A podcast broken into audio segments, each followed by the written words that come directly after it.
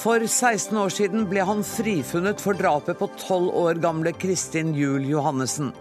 I går ble han pågrepet og siktet på nytt for samme forbrytelse. Politiet mener de denne gangen har solide bevis. Vi er lettet, sier Kristins far til Dagsnytt 18. Foreldre fikk hatbrev om sønnen med Downs syndrom. Nå mottar de overveldende støtte, bl.a. fra landets statsminister. I kveld møter Monica Frøsaker Erna Solberg i Dagsnytt 18. Frp vil ha kraftig skattekutt for norske oljeselskaper. Fullstendig uansvarlig, mener Miljøpartiet De Grønne.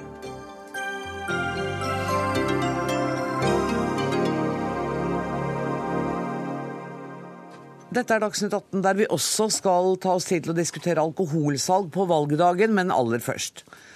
Jeg vil ikke ha hevn, jeg vil vite hvorfor min datter ble drept, sier Roar Juel Johannessen. Han er far til Kristin, som ble drept i 1999, tolv år gammel. I går pågrep politiet en 38 år gammel mann. Den pågrepne har tidligere vært siktet, dømt, og ble så i 2002 frikjent for drapet. Siden da har familien levd i uvisshet. Olav Rønneberg, du er krimkommentator her i NRK. Er det det som gjør denne saken så spesiell, at en mann ble dømt og så frifunnet? Det er i hvert fall én side av det. Det er en veldig spesiell sak. Ung jente som blir funnet drept i, i, i et skogsområde nede i Larvik en sommer. Og en sak som fikk eh, voldsom oppmerksomhet da drapet skjedde. Eh, og Først ble jo en helt annen mann pågrepet og siktet. Eh, saken ble henlagt, og han fikk erstatning. Så ble altså mannen som i dag er siktet, han ble tatt, så han ble dømt i tingretten før saken da ble lagt bort før lagmannsretten. Hva var grunnen til at han ble frifunnet i 2002? Det er litt komplisert, men det ble altså funnet et hårstrå på åstedet som man mente at kunne knyttes til iallfall eh, kretsen rundt eh, denne mannen eh, via en delvis DNA-profil. Så ble han da dømt i tingretten på bakgrunn av det. Så ble det gjort nye analyser av dette hårstrået av tyske eksperter, som konkluderte med at det måtte ha tilhørt en kvinne. Altså Da valgte påtalemyndigheten å legge saken bort, og han ble da frifunnet. Og Grunnen til det er jo at dette var det mest sentrale beviset mot han, og da mente vel Riksadvokaten og påtalemyndigheten at bevisrekken falt sammen, og at bevisene ikke lenger holdt. Vi skal høre litt fra pressekonferansen tidligere i dag. Hva leder for etterforskningsseksjonen hos Larvik politikammer, Kjell Johan Abrahamsen, sa om gjenopptakelse av saken. Kravet er at det skal være nye opplysninger eller nye bevis, og som må medføre at det må antas at vedkommende er skyldig. Og Slik saken nå står, og etter vår vurdering, vår vurdering så vil vi anmode høyere påtalemyndighet om å fremme en gjenopptakelsesbegjæring til kommisjonen. Hvor sannsynlig er det nå at politiet har tatt riktig mann? Politiet virker jo veldig sikre her nå, måten de ordlegger seg på på denne pressekonferansen. og Det er jo helt avgjørende eh, at politiet er sikre her, at de nå har rett, og at denne saken nå holder til en endelig eh, domfellelse. Men vi vet jo ikke helt hva slags DNA som nå er funnet. Vi vet at det er funnet spor den gangen som er analysert eh, på nytt nå, og som da har gitt dem en match med denne siktedes DNA-profil. Men om det er det samme hårstrået som er blitt analysert på nytt, og man nå har funnet DNA-profil, eller om det er et annet spor, det vet vi ikke. Eh, og Det er jo også avgjørende hvor dette funnet er gjort. Om det er gjort på eh, liket av jenta, på den avdøde, eller om det er gjort, eh, funnet på selve stedet. Men det viktige her er at én person er altså pågrepet og siktet. Og Roar Juel Johannessen, du er far til Kristin. Hva er din reaksjon på denne pågripelsen? Ja, det er jo først og fremst en lettelse at vi enda har kommet i mål med alt det vi har holdt på med i de siste 10-12 åra. Ja, for dere har vært engasjert i å arbeide med å finne hva som skjedde denne gangen? Ja, det blei jo sånn uh, skikkelig tryntøkker da de stoppa saken før lagmannsretten. Mm. Uh, virket mer som de da hadde tenkt at her kommer ikke noe videre, så vi setter det bort. Og så får vi se hva vi finner seinere. Så da tok vi ut saken sjøl gjennom godkjenning av Tor Aksel Børs og begynte å jobbe med saken. Og det har vi holdt på med da siden mars 2003. Og faktisk mens politiet satt, uh, tok og ringte meg i går kveld, så satt jeg og jobba med det. Hvordan reagerte du da du fikk telefonen i går? Uh, ble jo rimelig tom i huet ganske fort. Liksom, er dette her virkelig det han sitter og sier? Eller uh, hva skal vi tro? Uh, eller som det er som andre sier, altså tror ikke før hun får se det. Det er um, en lettelse, egentlig, at vi antageligvis nå har nådd mållinja etter så mange år. Det er 16 år siden Kristin ble drept. Har det gått én dag uten at du har tenkt på henne? Nei, det har det ikke. Men det har gått flere dager uten at jeg sitter gravd ned i dokumenter. Det har jeg gjort, men ikke det at den ikke har tenkt på. Det har vi gjort hver dag. Det etterforskningsarbeidet som dere har gjort, har dere formidlet det videre til politiet? Ja, så godt vi har kunnet. Vi har fått veldig mye kommentarer tilbake at dette er ikke relevant, dette er ikke interessant. Den, den har gått igjen i mange år. Men uh, vi har overlevert det vi har kunnet. Og, og, det har jo vært sånn etter hvert at uh, folk faktisk har ringt oss, for de har ikke tiltro til uh, Vestfold politidistrikt. Da ringer de oss, og så er jeg inne og sjekker dette opp i dokumentene. Og så bringer jeg det videre til politiet. Med klar beskjed om de ringer oss isteden. Mm. Men i dag må du allikevel ha øh, følt at du har blitt tatt på alvor da du hørte Kristine Fossen i Larvik si at øh, den belastningen dere har vært utsatt for de siste 16 årene har vært umenneskelig? Ja, Belastningen har vært stor. Det merker en jo både på helse og syke og alt som er. Men mm. Ja, det har jo vært sånn at jeg syns vi har jobba i hvert fall en del år i motbør mm. og motbakke mot uh, systemet.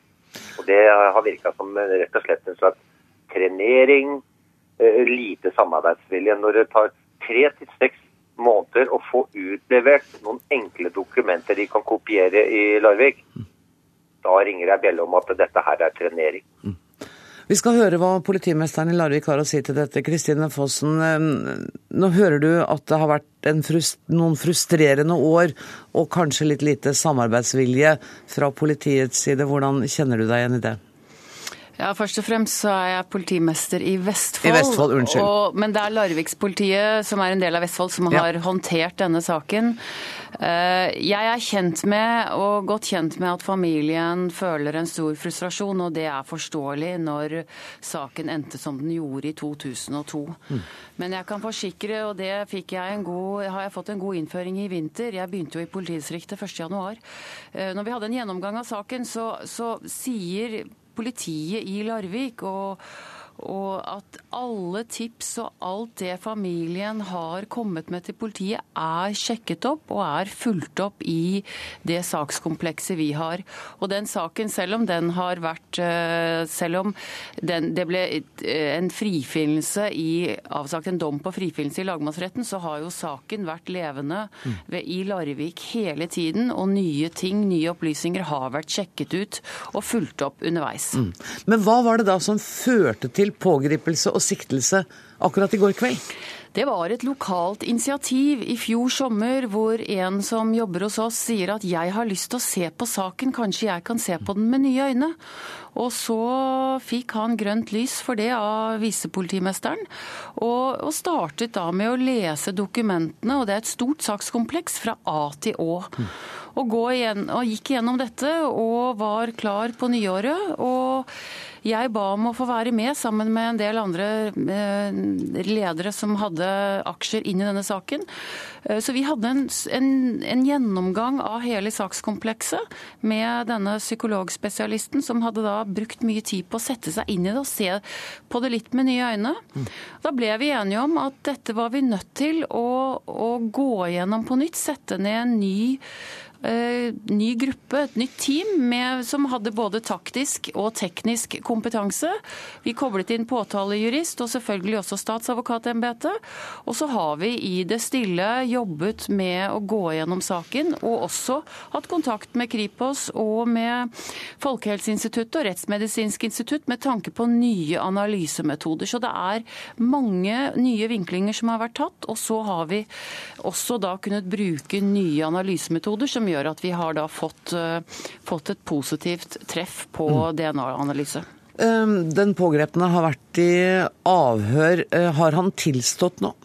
Han har ikke sagt noe eh, som Han har forklart seg og vært villig til å forklare seg i dag. Han har stått ved de tidligere forklaringene sine. Og så har han i dag utover dagen blitt eh, konfrontert med nye opplysninger, men det vet jeg ikke hvordan han har eh, håndtert. Det jeg, og det vil vi ikke vi si noe om av etterforskningsmessige grunner før han har vært fremstilt i varetektsfengsling i morgen. Trygve Onsdag, du er seksjonsleder i Kripos, og du leder en politigruppe som arbeider med gamle og uoppklarte saker. Jeg forstår at du ikke kan snakke om denne konkrete saken fordi den er under etterforskning. Men allikevel, nå hører vi politimesteren snakke om nye metoder, nye eh, teknikker. Hvordan påvirker de nye, f.eks. DNA-metodene, det arbeidet dere gjør? Ja, nye teknologiske muligheter gir politiet andre muligheter til å, til å analysere de, den informasjonen og de bevisene man sitter med i saken. Eh, sånn at vi, vi, ser nå at det er ved å, ved å, gå gjennom beslag og gå gjennom saken på nytt, vil kunne gi nye muligheter. Eh, vi ser at det finnes eh, på den tekniske siden så er det både fingeravtrykk, DNA, elektroniske spor. Den teknologiske utviklingen går raskt. Det vil kunne dukke opp nye muligheter. Også innen den taktiske etterforskningen så vil det kunne være nye muligheter. Det er vitner som tidligere har gitt sin forklaring til politiet. Det kan hende relasjoner endrer seg. Det kan hende at ved å snakke med folk på nytt vil kunne komme ny informasjon. Så jeg må berømme politimesteren i, Vestfold for å ha brukt ressurser på å gå gjennom saker på nytt og faktisk se på dette med nye øyne. Ja, ja for det, Du hører Kristine Fossen si her at det kom en person og sa at jeg har lyst til å se på dette en gang til. Mm. Og så fikk vedkommende tillatelse til det. Hender det at man oppdager noe helt nytt når man tar opp igjen gamle saker? Nei, jeg vil si at eh, Drapssaker er som oftest veldig veldig grundig etterforsket. Eh, det, det, ser vi hver eneste gang. Men det er klart det å gå inn i saken på nytt, eh, bygge opp nye hypoteser, eh, se hvilke premisser man har for de ulike hypotesene, se på ting med andre øyne. Du, du, det, det, vil gi noen andre blikk på saken. Men også det å faktisk undersøke spormaterialet på nytt med ny teknologi. Selv om det er gått så mange år, jeg tenker det er så mange år siden, mm. og før hadde vi en foreldelsesfrist på var det ikke 25 år, mm. den er borte. Ja. Hva syns du om det? Nei, Vi syns det er fantastisk at det ikke er lenger foreldelsesfrist på drapssaker. Det vil gi politiet muligheter til å få inn ny informasjon. Og, og forskning viser at, eh, at, det er ofte vitneforklaringene som vil gi muligheter til ny informasjon. Vi vet at, eh, at det sitter mennesker som, som, holder på informasjon, som, som, har gått og gnagd på det mange år. Eh, relasjonene endrer seg. Det kan være at, at, mennesker har lyst til å komme til politiet og, og meddele seg enten som vitne eller, eh, eller andre roller i saken. Eh, Rønneberg, hvis denne saken nå blir ferdig etterforsket, eh, så skal den da til riksadvokat, som vi hørte, og så er det gjenopptakelseskommisjonen som til syvende og sist avgjør om denne saken skal for retten. Det er vel ikke helt vanlig at en sak reises på nytt til skade for en person? Nei, Det normale er jo at noen som allerede er dømt, eh, kommer med nye opplysninger og vil ha saken gjenopptatt og vil ha seg frifunnet. Eh, og Det kan jo bli en konsekvens eh, av ny teknologi også, at det kommer flere slike begjæringer. Men det er klart når påtalemyndigheten nå går til gjenopptakelseskommisjonen og ber om saken gjenopptatt til den tiltaltes ugunst, som det, som det da blir, så er beviskravene mye strengere. Da må de legge legge mye mer konkrete opplysninger på bordet for å få medhold hos gjenopptakelseskommisjonen. Kristine Fossen, jeg vil jo tro at det vil være et bunnsolid eh, etterforskningsarbeid, fordi man kan ikke komme nå til Riksadvokaten med noe som eh, ikke holder eh, vann? Nei, Vi mener nå at vi har en god DNA-analyse, og vi valgte jo da å pågripe og sikte vedkommende. Og vi mener at dette er eh, en, en god analyse. Og så er det som også Trygve Aanstad på Kripos sier, det er gjort en solid etterforskning tidligere. Mm. Og det er jo en ganske lang indisiekjede som som tidligere har pekt, og som fortsatt peker mot samme gjerningsmann. Så når vi nå i tillegg har fått denne nye DNA-analysen og treff på denne profilen, så mener vi at det er en sak som det i hvert fall er verdt å, å fremstille vedkommende for varetektsfengsling i morgen. Ja, onsdag, og Når han blir framstilt for varetektsfengsling i morgen, så vil en av grunnene være eh, at man, eh, politiet frykter bevisforspillelse. Mm. Er det mulig etter 16 år? Hva slags bevis er det han kan forspille? Nei, Det kan jeg ikke kommentere. Nei, ikke den, men, men generelt. Kan det være bevis etter 16-20 år som kan forspilles? Ja, altså f.eks. taktisk opplysning fra vitner. Mm, eh, åpenbart en, en, mulighet. Påvirkning av vitner? Og Det kan jo også være at siktede for, eh, endrer forklaring fra hva han tidligere har sagt, som igjen gjør det nødvendig å avhøre nye vitner på nytt. Så det er jo mange, mange muligheter for ny påvirkning her. Så, mm. så bevisforspillelse er vårt grunnlag for å fengsle i morgen. Nettopp. Og dere begjærer fire ukers varetekt? Det begjæres fire ukers varetekt. Lønneberg? Grunnen til at politiet er så tilbakeholdne nå med hva de har funnet, eh, og hva slags DNA det er snakk om, og hvilke spor som er funnet, er jo at de nå skal konfrontere den siktede i avhør med dette. Som vi hørte Kristine Fossen si. Det legges jo et løp her nå, hvor han først blir gitt anledning til å gi en fri forklaring, og så blir han etter hvert konfrontert med bevisene i saken. og Da er det jo viktig at han først blir konfrontert før allmennheten får vite om det. Eh, det er klart det beste for alle parter her, eh, hvis dette er rett mann, vil jo være å få en tilståelse på bordet. Først da vil de jo få alle svarene i saken. Men så langt er vi foreløpig ikke kommet. Jeg må si takk til dere, Olav Rønneberg, eh, Kristine Fossen og Trygve Ånstad. Eh, og så håper jeg at Roar Juel Johannessen fortsatt er eh, med meg, for vi skal snakke litt om pressens Jeg hadde egentlig også hatt et spørsmål til Ho Fossen, jeg. Men nå er hun allerede gått ut av studio, ja, ja. så kan du ta det? Da hører hun det sikkert. det kan hende at hun hører det på vei ut. Ja. Hun er her fordi, ja, fordi at hun sier at dette har vært en levende etterforskning i alle år. Mm da kan jeg ikke skjønne når alle dokumenter er låst inn i et uh, blekkskap i kjelleren, hva de kaller da Hva er da levende etterforskning? Mm. Det er litt merkelig. Det som er beklagelig, er at hun får ikke Er, er du med oss, Kristine Fossen? Er du der fortsatt? Jeg er der, og jeg kan gjerne svare på det. Ja. og det, det, eh, det, at dokumentene er nedlåst, betyr ikke at ikke vi jobber med dem, fordi ligger, mye av saken ligger også nå elektronisk. Og, og mye av eh, Men vi har ikke anledning til å gi ut dokumenter fortløpende. Skal, så, så, saken har vært levende.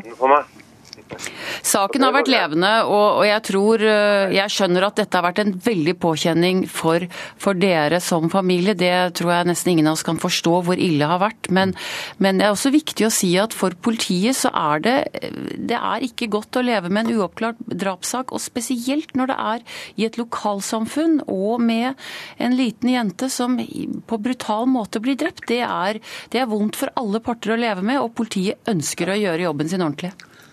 Ja, men det, det da, som er merkelig, er at hver gang vi har gått til Riksadvokaten eller til tidligere politimestere, da har det skjedd noe i Larvik. Først da. Det er et tankekors. Det tankekorset tror jeg faktisk vi må la ligge der, og så må vi igjen si takk til Kristine Fossen, for vi skal snakke om pressens eh, rolle. For den gangen fikk pressen nemlig sterk kritikk for dekningen av drapet. Den var pågående og voldsom, og det ble f.eks. brukt helikoptre, dette husker sikkert du godt, Roar Julie Hansen, eh, tett på de pårørende. Og i etterkant har saken ført til endringer i Vær varsom-plakaten, og en økt bevissthet rundt journalistenes opptreden i eh, krimsaker. Jeg vet ikke, Roar Julie Hansen, om du, om du kan fortelle litt om hvordan dere opplevde det trøkket fra journalister? De første dagene så var det sånn vi hadde da journalister krypende rundt i busker og i gress rundt her hos oss. Det lå helikoptre nede i 100 meter over huset. altså Høyspenten her, den sto og svaia.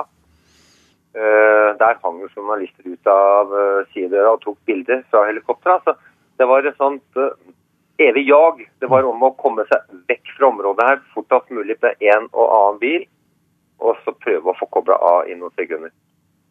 Det gikk jevnt og trutt hele tida her. Følte dere dere invadert? Ja. Vi hadde jo stort sett alt som var av presse her, og de luska rundt her. Det blei etter en kort tid også da satt opp et sånn uh, partytelt nede ved en vei hvor du må krysse over en bekk for å komme inn til oss. Og der var det ingen som kom inn etter at uh, naboer og kjente begynte å gå vakt der 24 timer i døgnet. Dere måtte, bru hmm. Dere måtte bruke faktisk fysiske vakter for å hindre journalistene? Ja. ja. Det var jo journalister i ettertid som da påstod at noen av vaktene hadde flydd etter dem med balltrær og trua dem med juling og sånne ting. Det er i ettertid bare tilbakevist, det er ikke tilfellet. Men selvfølgelig noen følte seg kanskje trua når ikke de fikk lov å komme opp til huset. Lars Arve Røsland, du er medieforsker ved Universitetet i Bergen, og sammen med forsker Svein Brurås ble du av Norsk Journalistlag den gangen bedt om å undersøke pressens eh, arbeidsmetoder.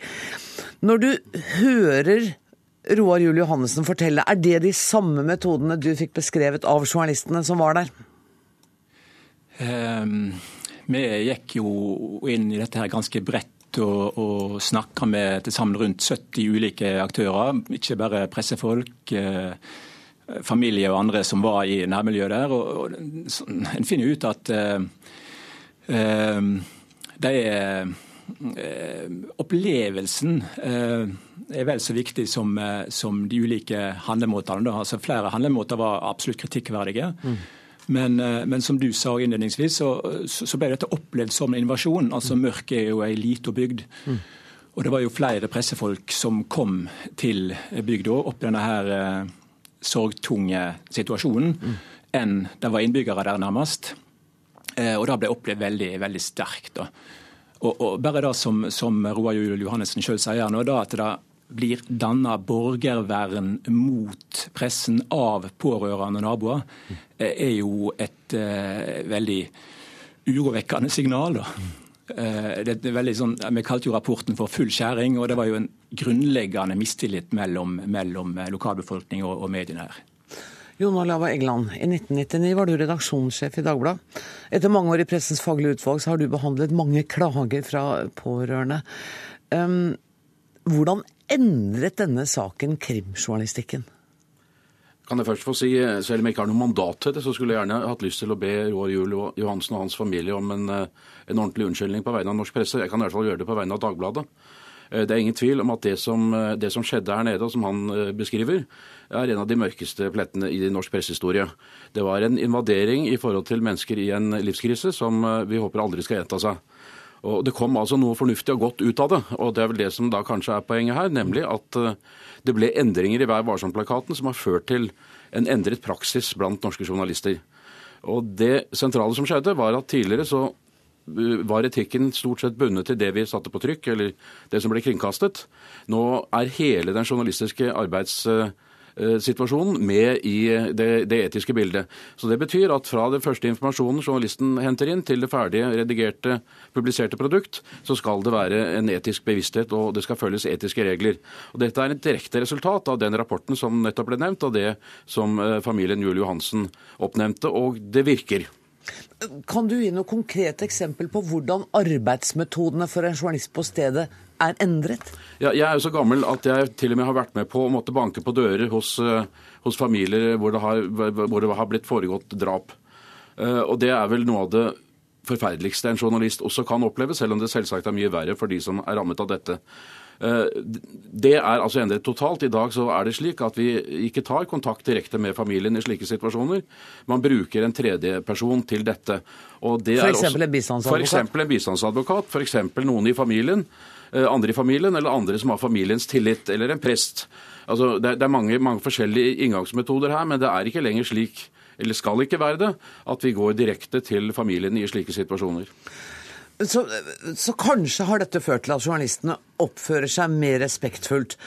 Men så har jo hele mediebildet endret seg totalt siden 1999. Hva med de sosiale mediene i dag? Ja, Det er jo dette som er noe av problemet. at Det jeg snakker om her, det gjelder jo da de profesjonelle mediene som er forpliktet av Vær varsom-plakaten. Mm. I de sosiale mediene så er det jo, eh, la oss ta Facebook som et eksempel, så, er det jo ikke noen redaktør som har et redaktøransvar for alt det som publiseres der. Slik jussen er i dag, så er det faktisk den enkelte person som gjør dette. Og vi vet jo at disse, eh, disse, i disse mediene så spres det jo rykter, sladder, eh, og det publiseres ting som avgjort er langt bortenfor hva Varsom-plakaten ville, ville tillate. Og slik har vi altså på en måte står i den fare at vi får dette inn bakveien på nytt. Mm. Roar Juel Johansen, du fikk med deg at du fikk en uforbeholden unnskyldning på vegne av eh, norsk presse fra Jon Olav Egeland. Ja. Hvordan, reager... Hvordan reagerer ja, du på det? Det er kanskje litt seint? Det hadde vært fått tidligere, men ja. Det er godt å høre det, at de har lært litt. Hva tenker du om tida framover eh, nå, Julie Hansen? Du kan si det sånn, altså Når det gjelder pressefolk, nå har vi hatt de holdt på å si, nesten beleirende ute i gården hos oss nå siden 10-11-tida i dag. Mm. Eh, men nå er det frivillig. Vi lærte én ting. Det var en journalist i VG, en Roger, som lærte meg en ting. Nå har pressa brukt dere. De, dere har gitt dessverre lillefingeren. De tok hele handa. Nå er det deres tur til å bruke pressa. Så Det gjorde vi fra det øyeblikket vi begynte sjøl med etterforskninga i 2003. Så nå har vi lært pressefolk å kjenne på en litt annen måte. Det var godt Og det regner jeg med også framover. Ja.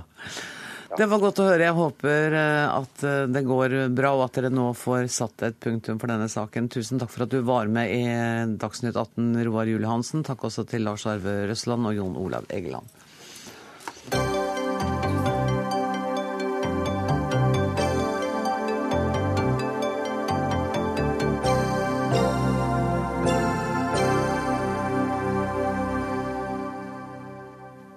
Den neste samtalen skal jeg innlede med et litt kraftig sitat.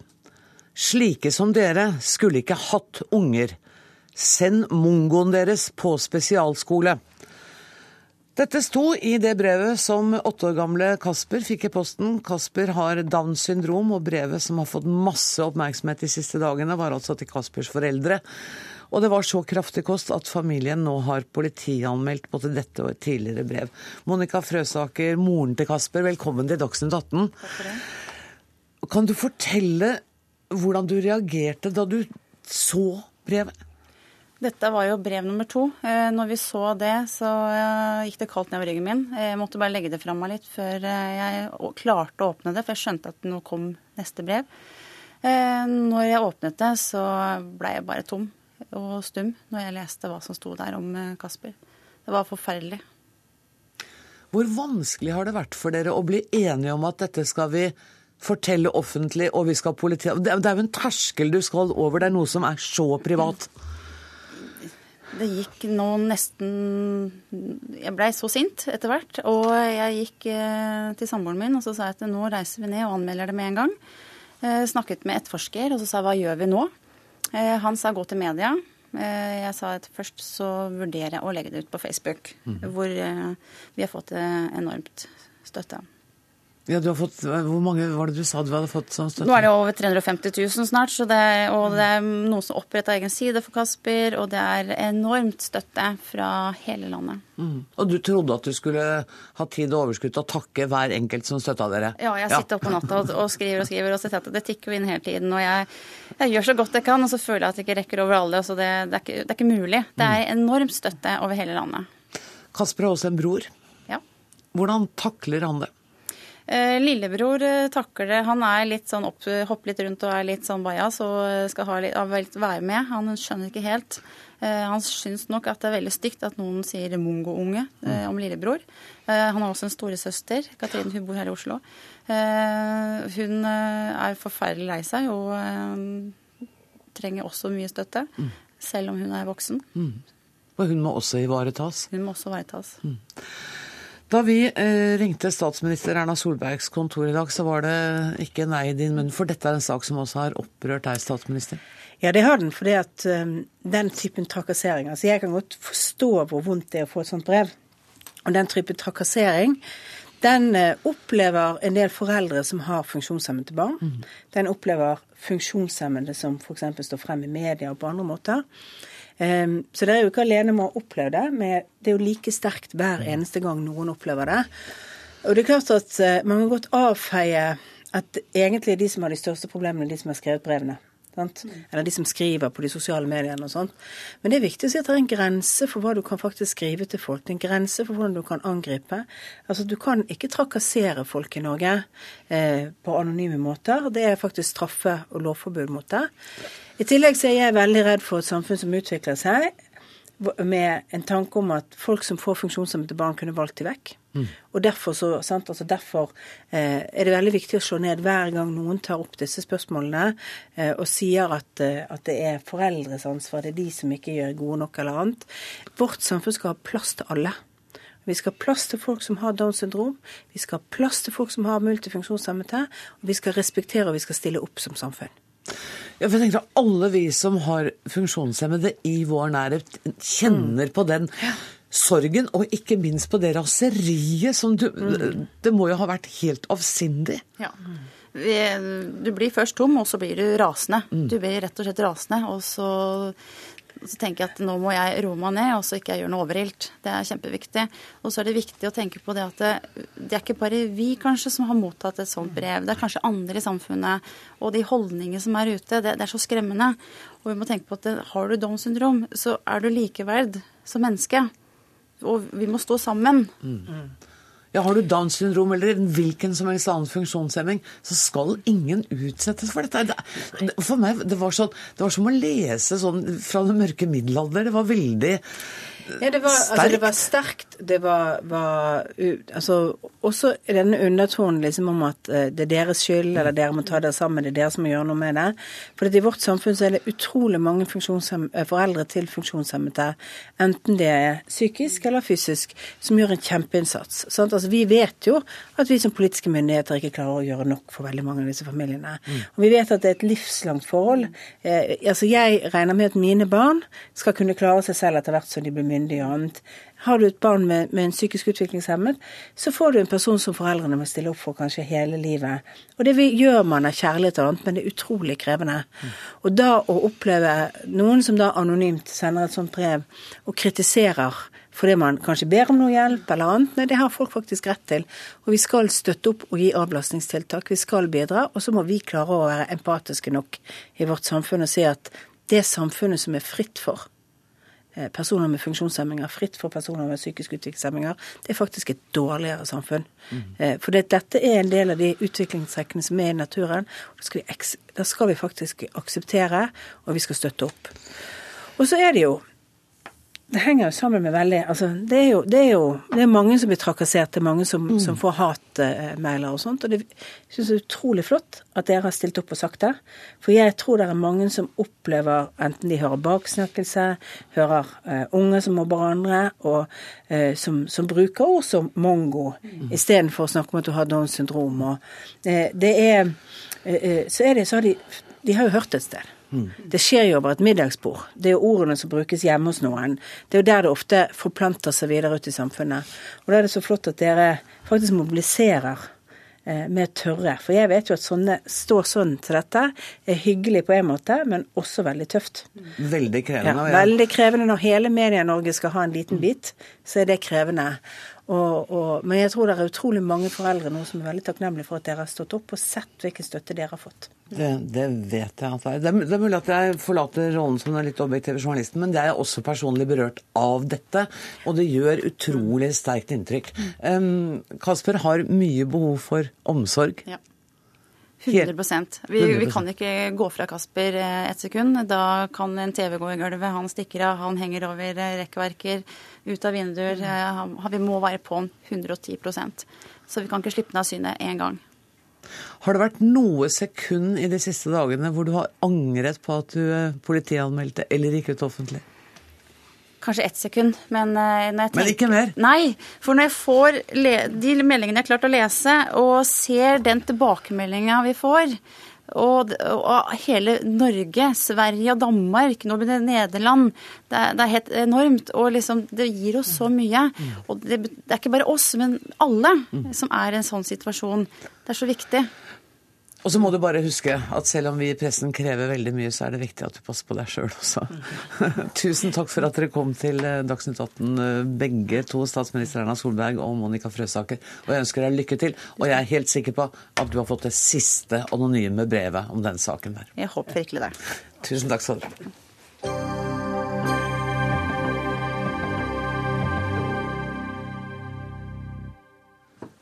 Vi skal eh, utenriks, som det heter, for Nord-Korea er rammet av den verste tørken på lang tid. Myndighetene påstår at det er den verste på 100 år. Nå ber FNs barnefond UNICEF om umiddelbar hjelp for å hindre at barn dør pga. dette. Bernt Apland, du er generalsekretær i UNICEF Norge. Det er vel ikke helt sikkert at den er den verste på 100 år. Jeg husker den tørken som var for 20 år siden, hvor hundretusener av mennesker døde. Er vi der? Er det så ille? Det er det nok ikke, eh, men det er alvorlig. Eh, det vi nå ser, og grunnen til at vi nå roper varsko, det er at eh, vi har fått en eksplosjon i antall tilfeller diaré hos barn. I en av provinsene så har det økt med 40% i en annen provins med 70 og i en tredje provins med 140% det siste halvåret. Og Det skyldes tørke, som gjør at tilgangen til rent drikkevann har blitt mye mye dårligere. Mm. Og barna blir syke. og Det er ganske alvorlig, for i dette landet, som du jo allerede har antydet, så er matvaresituasjonen allerede svært kritisk. Hva kan man gjøre da? For det er, et, det er jo et lukket land. og det er, det er ikke, De står ikke akkurat med åpne armer for å ta imot hjelp fra Vesten. Nei, altså Dette er jo et todelt problem. På den ene siden så er det, det er selvfølgelig myndighetene i Pyongyang sitt ansvar å sørge for at de klarer å, å både brødfø sin egen befolkning og uh, håndtere katastrofer som oppstår. Uh, men det er altså faktisk slik at 70% av befolkningen i dette landet er, uh, lever i det vi kaller en veldig matusikker situasjon og får for lite mat hver dag og får feil mat hver dag. Og det betyr at det er veldig lite som skal til før, før det tipper den gærne veien. Eh, men så er det også i tillegg en ganske stor motvilje fra eh, det internasjonale samfunnet til å bidra med hjelp som nytter mer enn én en dag av gangen. for å si det sånn. Hvorfor det?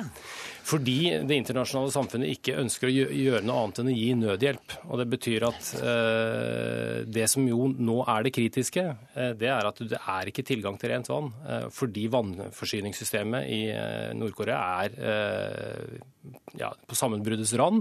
Og når da tørken kommer, så blir det enda verre. Barn må hente vann i grøfter, i, i brønner som er i nærheten av forurensende kilder osv. Og, og de blir syke. Det kunne vært relativt enkelt uh, gjøre noe, gjør noe med, fordi det handler om å bygge uh, vannforsyningssystemer, som UNICEF bl.a. har gjort, hvor vi ikke bruker uh, materialer som da knytter seg til embargo, når vi ikke knytter oss til elektrisitet eller andre mekaniske ting som gjør at det er vanskelig å vedlikeholde. Men det er da å regne som utvikling, og det vil ikke det internasjonale samfunnet bidra med i dag, dessverre. Fordi, man, fordi at det internasjonale samfunnet ønsker å straffe politisk den ledelse ja. som nå sitter der. Jeg skjønner at du skal ikke du er ikke her for å snakke politikk. Men hvis dette Hvis ingenting skjer er vi på vei mot Jeg mener ikke at du skal være et dystrere bilde, det er grunn til, men er vi på vei mot en situasjon der tusener av barn kan dø? Ja, Det er jo alvorlig når du nesten tredobler antall diarétilfeller i løpet av et halvt år. Og diaré er den største dødsårsaken til barn i Nord-Korea. Så Det er vanskelig, for dette er et land hvor det er vanskelig å ha det hele og fulle bildet før du på en måte eh, spiller seg helt ut. Men det vi ser er at halv, det, altså det er, eh, nedbøren i år er halvparten av det den har vært eh, tidligere. Eh, matproduksjonen har allerede falt, den kommer til å falle enda mer, og drikkevannssituasjonen er kritisk. Så Det betyr at dette kan bli veldig alvorlig hvis det ikke nå eh, settes inn store tiltak. For det, Dette er nemlig ikke den eneste tørken som nordkoreanske barn opplever. Det er også tørken fra det internasjonale samfunnets giverglede. Eh, for ti år siden så fikk vi eh, seks ganger så mye til å hjelpe barna i Nord-Korea som det vi gjør i dag. Kanskje dere må snakke enda mer om det og enda flere ganger i Dagsnytt 18, men akkurat nå må jeg si takk for at du kom i dag. Tusen takk skal du ha, Bernt Apeland. Takk.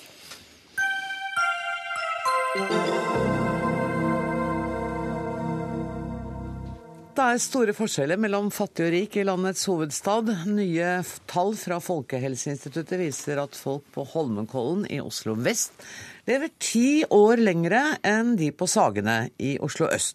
Og det er også store forskjeller i inntekt, i utdanning og i antall arbeidsledige. Og Benjamin Larsen, du er leder av Oslo SV. Du har sagt at du mener at byrådet i Oslo fornekter at dette er et problem. På hvilken måte da? Ja, nei, altså, jeg syns ikke det er noen stor overraskelse at vi nå får vite eh, disse tallene en gang til. Fordi eh, byrådet med Høyre i spissen eh, vil på en måte ikke anerkjenne at dette er et problem. Og Det syns jeg er veldig synd, fordi dette er noe som kan løses ved hjelp av politiske grep. Eh, det er barn i denne byen som ikke kan gå i bursdag, som ikke kan delta på fritidsaktiviteter, og som aldri har råd til å reise på ferie. Og det fins eh, utjevningstiltak som man kan gjennomføre, som vil gjøre noe med det. Du, du ser på det som et rent fattigdomsproblem? Nei, Det er jo ikke bare et fattigdomsproblem, det er jo også et problem eh, som knytter seg til hvordan folk bosetter seg i, eh, i byen. Mm. Eh, og hvordan man utvikler ulike deler av byen. Og vi mener at man burde legge til rette for at det er flere ulike boligtyper i flere deler av byen. Mener du at dette er en villet politikk? At, at byen er såpass todelt? La, la oss tenke eh, både bygningsmasse og også innbyggermasse. At det på vest er der, Nå gjør jeg det veldig sjablongaktig. I vestkanten er det villaer og hvite mennesker.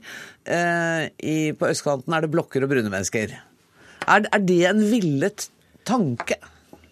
Altså Det er nok ikke en villet tanke. Det er nok et resultat av at det er eh, utbyggerne som i stor grad får lov til å bestemme hvor i byen det skal bygges ulike typer boliger, og at man ikke tar sterkere politisk grep. Men Høyre driver, gjør jo noen politiske tiltak som er villet og som forsterker forskjeller. Sånn som at de i regjering har fjerna formuesskatt og arveavgift. Det er konkrete tiltak som øker forskjellene, og spesielt mye i Oslo, der formuesforskjellene er veldig store. Jeg hadde tenkt vi ikke skulle snakke bare om eh, arveavgift og skatteletter, men Bård Folke Fredriksen eh, fra Høyre, Oslo byråd for byutvikling. Er det ikke bekymringsfullt når, når du sitter med en hovedstad hvor forskjellen i levealder er ti år, når man bor et kvarters kjøring fra hverandre? Jo, det er forskjeller, uønskede forskjeller i Oslo som vi vil bekjempe. og Det er helt urimelig å si at vi ikke vil gjøre noe med det, når Høyre, Oslo under Høyres ledelse har gjennomført byfornyelsen, gjennomført eh, tiårig satsing i Oslo indre øst, og nå en Groruddalssatsing de siste ti årene. Eh, så at vi har ønsket å gjøre noe med det, og oppnådd noe med det, det er helt opplagt. Og Jeg har bare lyst til å si én eh, ting. Det er riktig, de tallene Dagsavisen peker på, peker jo på forskjeller vi ønsker å gjøre noe med. Men det er jo også sånn at vi nå har tall som viser at vi lykkes. F.eks. så ser vi nå at uføreandelen i de områdene i Oslo som har høyest uføreandel, har jo mye lavere uføreandel enn resten av landet. Mm. inntekten til de områdene i Oslo som har lavest gjennomsnittsinntekt, ligger Eh, veldig høyt i forhold til landsgjennomsnittet, og har åtte fylker som har lavere gjennomsnittsinntekt enn de områdene i Oslo som har lavest inntekt. Mm. Og For å ikke snakke om utdanning, fordi at det som, skjer, det som, skjer, her, er jo at man peker på andel høyere utdanning som et, et problem, mens altså eh, to, over halvparten av norske kommuner har lavere utdanningsgjennomsnitt enn de områdene i Oslo som har lavest utdanningssnitt. Men det hjelper jo ikke de man kan jo ikke sammenligne Oslo. Eh, uten å se på hva som er landsgjennomsnittet. Jo, egentlig kan man vel det, for Oslo er hovedstad og er nokså nok enestående i sin rolle. Men da må det være veldig trist i resten av landet. Men når det gjelder, når det gjelder levealderen, ja. Eh, så er det jo ikke slik at de tiltakene som dere har satt i verk, har ført til at forskjellen har blitt mindre? Men dette er jo en tidsserie på over 20 år. Mm. Så det er klart at da, for dagens 20-åringer så vil de få en helt annen utvikling enn de som eh, er født mellom 1915 og 1940, som jo i stor grad er med i denne undersøkelsen. Men eh, det er ikke det viktigste. Det viktigste syns jeg er at det man kan satse på, som gjør at alle får like muligheter, og gjør at eh, man, man, kommer lenger, er en god kunnskapsskole. Og Der har jo Høyre og SV vært uenige om hva skal, som skal til. Og nå viser jo forskningen helt dokumentert at Oslo-skolen betyr en forskjell og hjelper de elevene som har størst utfordringer. Eh, ekstra. Men, Benjamin Larsen, vær så god. La oss ikke gjøre dette til en ren skoledebatt heller. La oss prøve å holde på det vi skal snakke om, nemlig forskjellene mellom Oslo øst og Oslo vest. Forskjellene innad i Oslo er de største forskjellene innad i noen kommuner i Norge. Og eh, som du også er inne på, så går det ikke an å sammenligne Oslo med resten av landet. Det er de forskjellene som folk opplever konkret i sin hverdag, som betyr noe for hvordan eh, livene deres utvikler seg, og hva slags levekår de har. Og det viser også ulikhetsforskninga, sånn som eh, vi så i boka 'Ulikhetens pris', som Wilkinson og Pickett ga ut for noen år siden. Eh, og det er også sånn at Forskjellene innad i Oslo er spesielt store også i internasjonal sammenheng. Altså Dagens Næringsliv gjorde en undersøkelse i fjor eller noe sånt, der de påviste det at eh, forskjellen i forventa levealder mellom Upper East Side og South Bronx i New York er på fire år, mens den mellom Sagene og Slemdal i Oslo er på ti år. Det er ganske voldsomt. Men det SVs representant nå snakker for, er jo at det er bedre at folk er fattigere enn at, enn at uh, forskjellene er for store. Fordi Det du nå snakker for, er jo at forskjellen er viktigere hvem, uh, i forhold til hvem som har det dårligst. Jeg tror vi bør ha en målrettet innsats for å hjelpe alle til å få like muligheter. Og da er skolen det helt avgjørende. Og det er ikke bare eksamensresultatene som viser at Oslo-elevene lykkes bedre. Forskningen viser nå at det er en såkalt Oslo-effekt som hjelper elever med spesielle utfordringer til å mestre bedre enn i andre fylker. Og f.eks. er frafallet også fra videregående skole Eh, mye mindre i Oslo enn i resten av landet. Men hva, hva, hva tror du grunnen kan være til at de lever ti år kortere på Sagen enn på Slemdal? Vi har noen dype sosiale realiteter eh, fra Nettopp. Oslo, Oslo indre øst eh, på, på, fra, tidligere tider. I tillegg til at vi har rus- og psykiatriutfordringer. Og så vet vi at vi i Oslo indre øst har hatt mange av de kommunale boligene. Det har vært en dårlig politikk. De bør spres, sånn at man får en, en mer jevn fordeling utover byen. Og så må vi ha målrettede tiltak for å hjelpe de som er i en vanskelig alvorlig situasjon. Akkurat det siste tror jeg dere er helt enige om. Tusen takk for at dere kom til Dagsnytt 18, Bård Folke Fredriksen og Benjamin Larsen.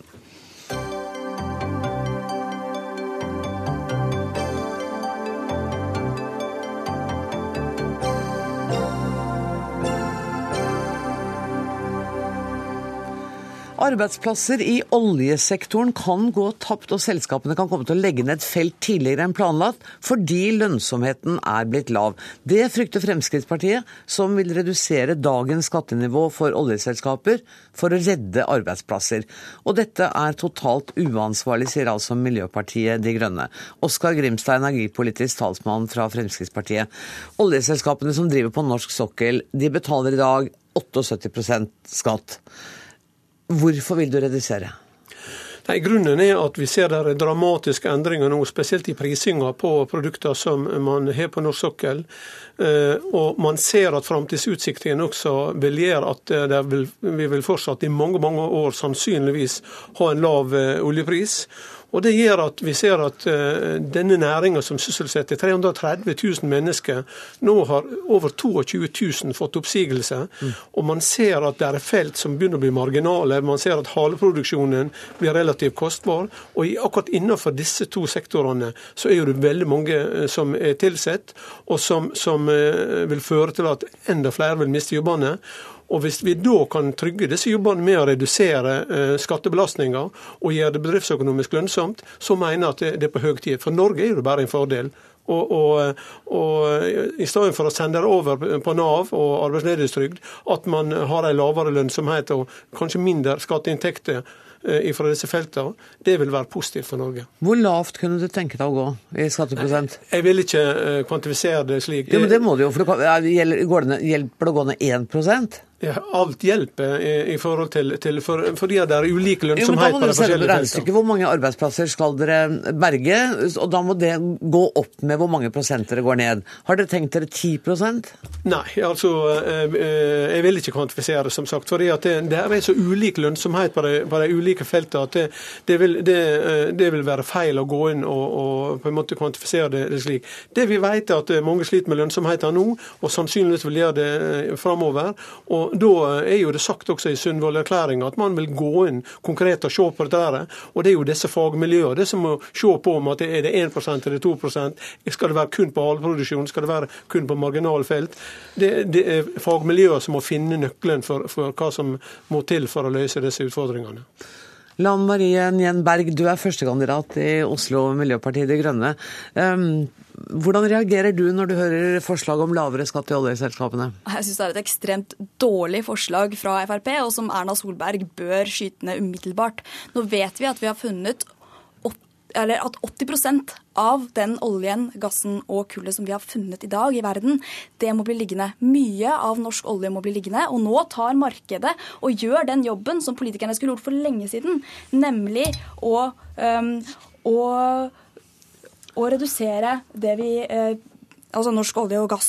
Um, opptak. Og vi vet at in, um, men er det ikke sånn at Norge Jeg skjønner at dere ikke er så for å ta opp mer olje, men vi gjør det jo på en ganske klimatisk vennlig måte? Det er bare tull. Okay. Fordi bare 3% av den, de utslippene som kommer fra uh, olje, av olje- og gassutvinning, det kommer fra utvinningen og ikke fra det vi brenner. Så når vi selger olje til utlandet, så, selv, så, går, så er det 97% av utslippene fra olje og gassen det kommer fra når vi brenner det. Altså der hvor det brennes. Og det vil si at, eh, at norsk, det er ingenting som heter miljøvennlig eller klimavennlig olje. Fordi det marginale som kanskje kanskje gjør at norsk olje er miljø, mer klimavennlig enn noen andre steder, men ikke, ikke alle steder i hele verden, det har ikke noe å si for klimaregnskapet til sammen. Ok, Så du sier at det at vi er miljøvennlige når vi tar den opp, det hjelper ingenting, for vi selger den, og så brenner den, og så er den akkurat like miljøuvennlig ja. som alt annet? Vi ser jo at 1,5% av all, eh, alle utslipp fra fossile brensler i verden, det kommer fra norsk olje. Vi er en klimaversting, og vi burde ha startet omstillingen for lenge siden. Men det har vi ikke gjort. Og nå, grunnen til at vi er i den situasjonen vi er i dag, er at vi ikke har startet den omstillingen. Nå er vi så avhengig av prisen på én råvare at, at, det går arbeidsplasser tapt, og at norsk økonomi og at det er farlig for norsk økonomi når oljeprisen går ned. Og det her er ikke ikke ansvarlig når det gjelder å skape arbeidsplasser, bærekraftige arbeidsplasser for framtida. Men det er vel ikke helt ansvarlig når 22 000 mennesker nå står uten arbeid, og langt flere er i ferd med å miste jobbene sine heller? Ja, Det er kjempevanskelig for de som mister jobben sin, og det er, det er noe vi er nødt til å gjøre noe med. Men vi vet at det å gi mer av den samme medisinen, satse mer på oljen, det vil ikke løse problemet. Det vil gjøre det enda verre. Det vil skyve problemet framover og, og gjøre det større i framtiden, istedenfor å satse på fornybar energi, satse på de jobbene vi skal ha for framtida. Det er det vi vil, og vi vil heller bruke alle de pengene som eh, vi i dag bruker på oljeindustrien. Vi bruker 25 milliarder i året på å subsidiere oljeindustrien. Så da vil vi heller bruke de pengene på, øh, på de næringene som skal gi arbeidsplassene for framtida og gi fornybar energi for framtiden. Det, det å fortsette å satse på olje, det er totalt uansvarlig, altså. Grimstad. Dette er jo direkte feil. Altså, saken er rett og slett det at uh, Norge har den mest miljøvennlige produksjonen av alle land. Og Hvis det var slik at hvis Norge kutta sin produksjon, så reduserte man forbruket i verden. Da har resonnementet hengt i hop. Men saken er jo det at verden etterspør petroleumsprodukt, og da er spørsmålet hvem kan framskaffe disse så lenge som uh, behovet er der, og behovet vil være der i mange tiår. Ja, Norge gjør det. Vi gjør det på en miljøvennlig måte, og da er det meningsløst helst at vi skal stenge ned eh, vår produksjon fordi at andre land skal ta over. Og Det er jo en av grunnene til at vi fortsatt eh, vil ha en lav pris framover. Vi ser nå at eh, hvis man får i stand en avtale knyttet til atomkraft i, Iran, så vil, vil, sannsynligvis Iran få komme inn på markedet. Det betyr at man får 7-8 millioner tonn Eh, eh, eller fat eh, til, til markedet, mm. som vil presse prisene ytterligere. Og Det betyr jo at her er jo ikke mangel på olje i, i, verden. og Det er ikke det som er. Men det som er poenget, og det som Miljøpartiet De Grønne bør være med og, og gå i bresjen for, det er at vi bruker oljen, og at vi finner måter å ta ut klimaskadelig gass på ved bruk av den. Det kan vi være enige om å satse på. Men vi kommer aldri til å nå i mål ved at Norge reduserer sin produksjon. Det blir meningsløst. Nå har, FR, altså nå har regjeringen snakket om at vi skal eh, få til det grønne skiftet i festtaler i en evighet. Men vi ser fortsatt ikke hva dere egentlig har tenkt til å gjøre. For hvis dere fortsatt skal drive og uh, skrive skattelette istedenfor å skape uh, arbeidsplasser som vil vare for framtida, så forstår jeg ikke hva du mener. Og i tillegg så er det sånn at hvis vi får en global klimaavtale, sånn som vi håper, og som Norge og regjeringen arbeider for i Paris til vinteren, så vil ikke Eh, norsk olje eh, være konkurransedyktig uansett. Da skal den bli liggende. Vi skal ikke ta den opp. og Da er det uansvarlig å fortsette å satse på dette. Vet du hva det som er så trist, er at de, alle de argumentene dere fortsatt har, må dere ta utenfor studiodøra, for tida vår er ute. Men tusen takk for at dere kom til Dagsnytt 18, Oskar Grimstad og Lan Marie Berg.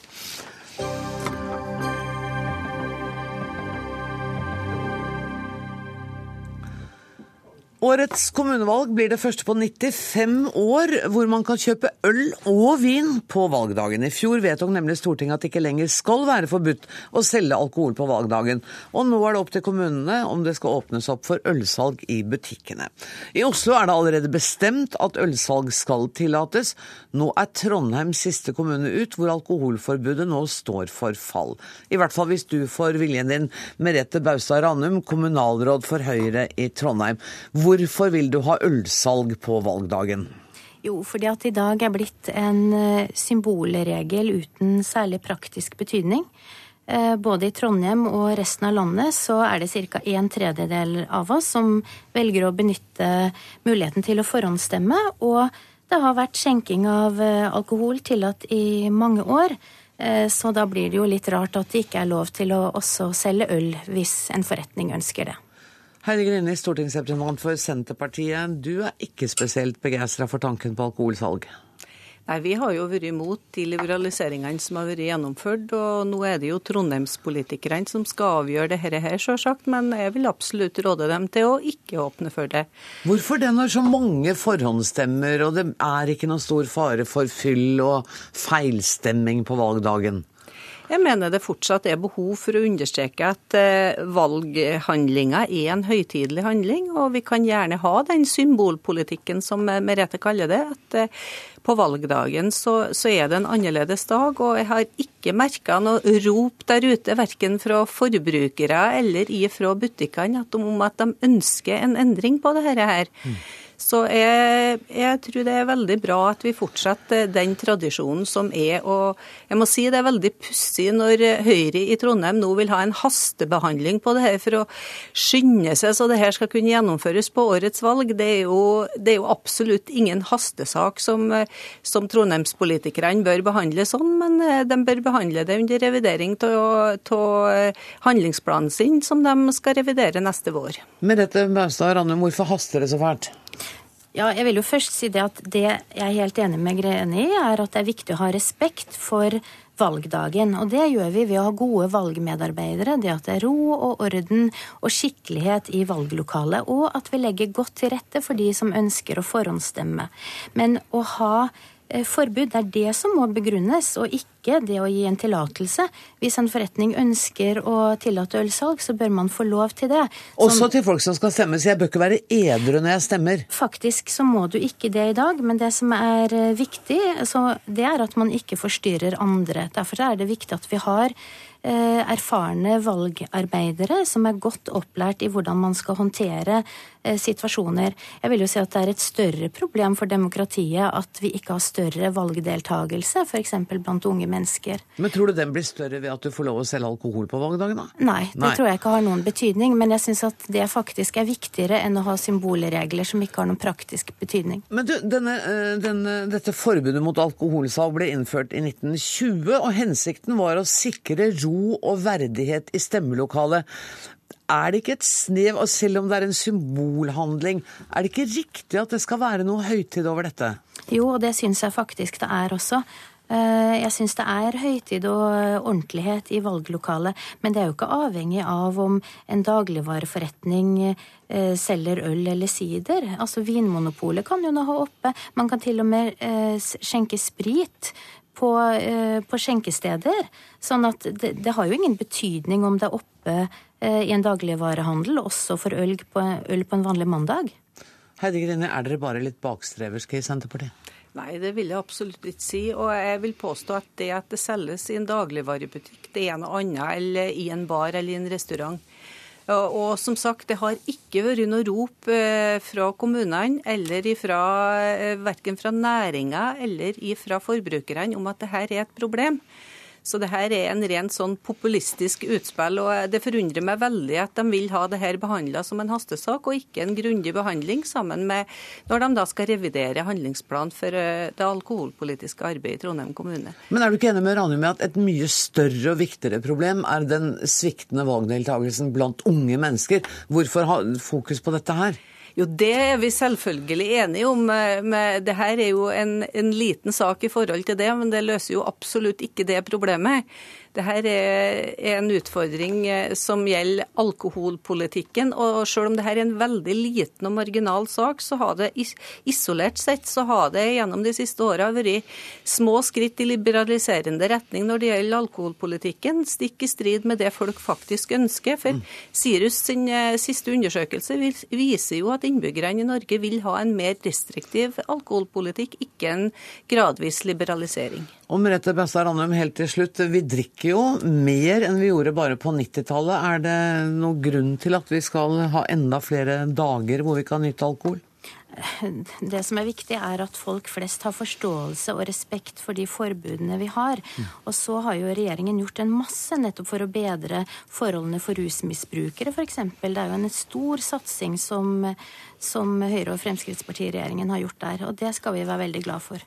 Og denne samtalen har etter det jeg skjønner ikke fått deg til å forandre mening når det gjelder alkoholsalg på valgdagen. Jeg må si tusen takk til Merete Baustad Ranum og til Heidi Greni. For denne utgaven av Dagsnytt 18 er nemlig over. Ansvarlig for sendinga i dag var Ida Tune Øritsland. Det tekniske ansvaret har Finn Lie. Jeg heter Anne Grosvold og ønsker dere alle en riktig god kveld.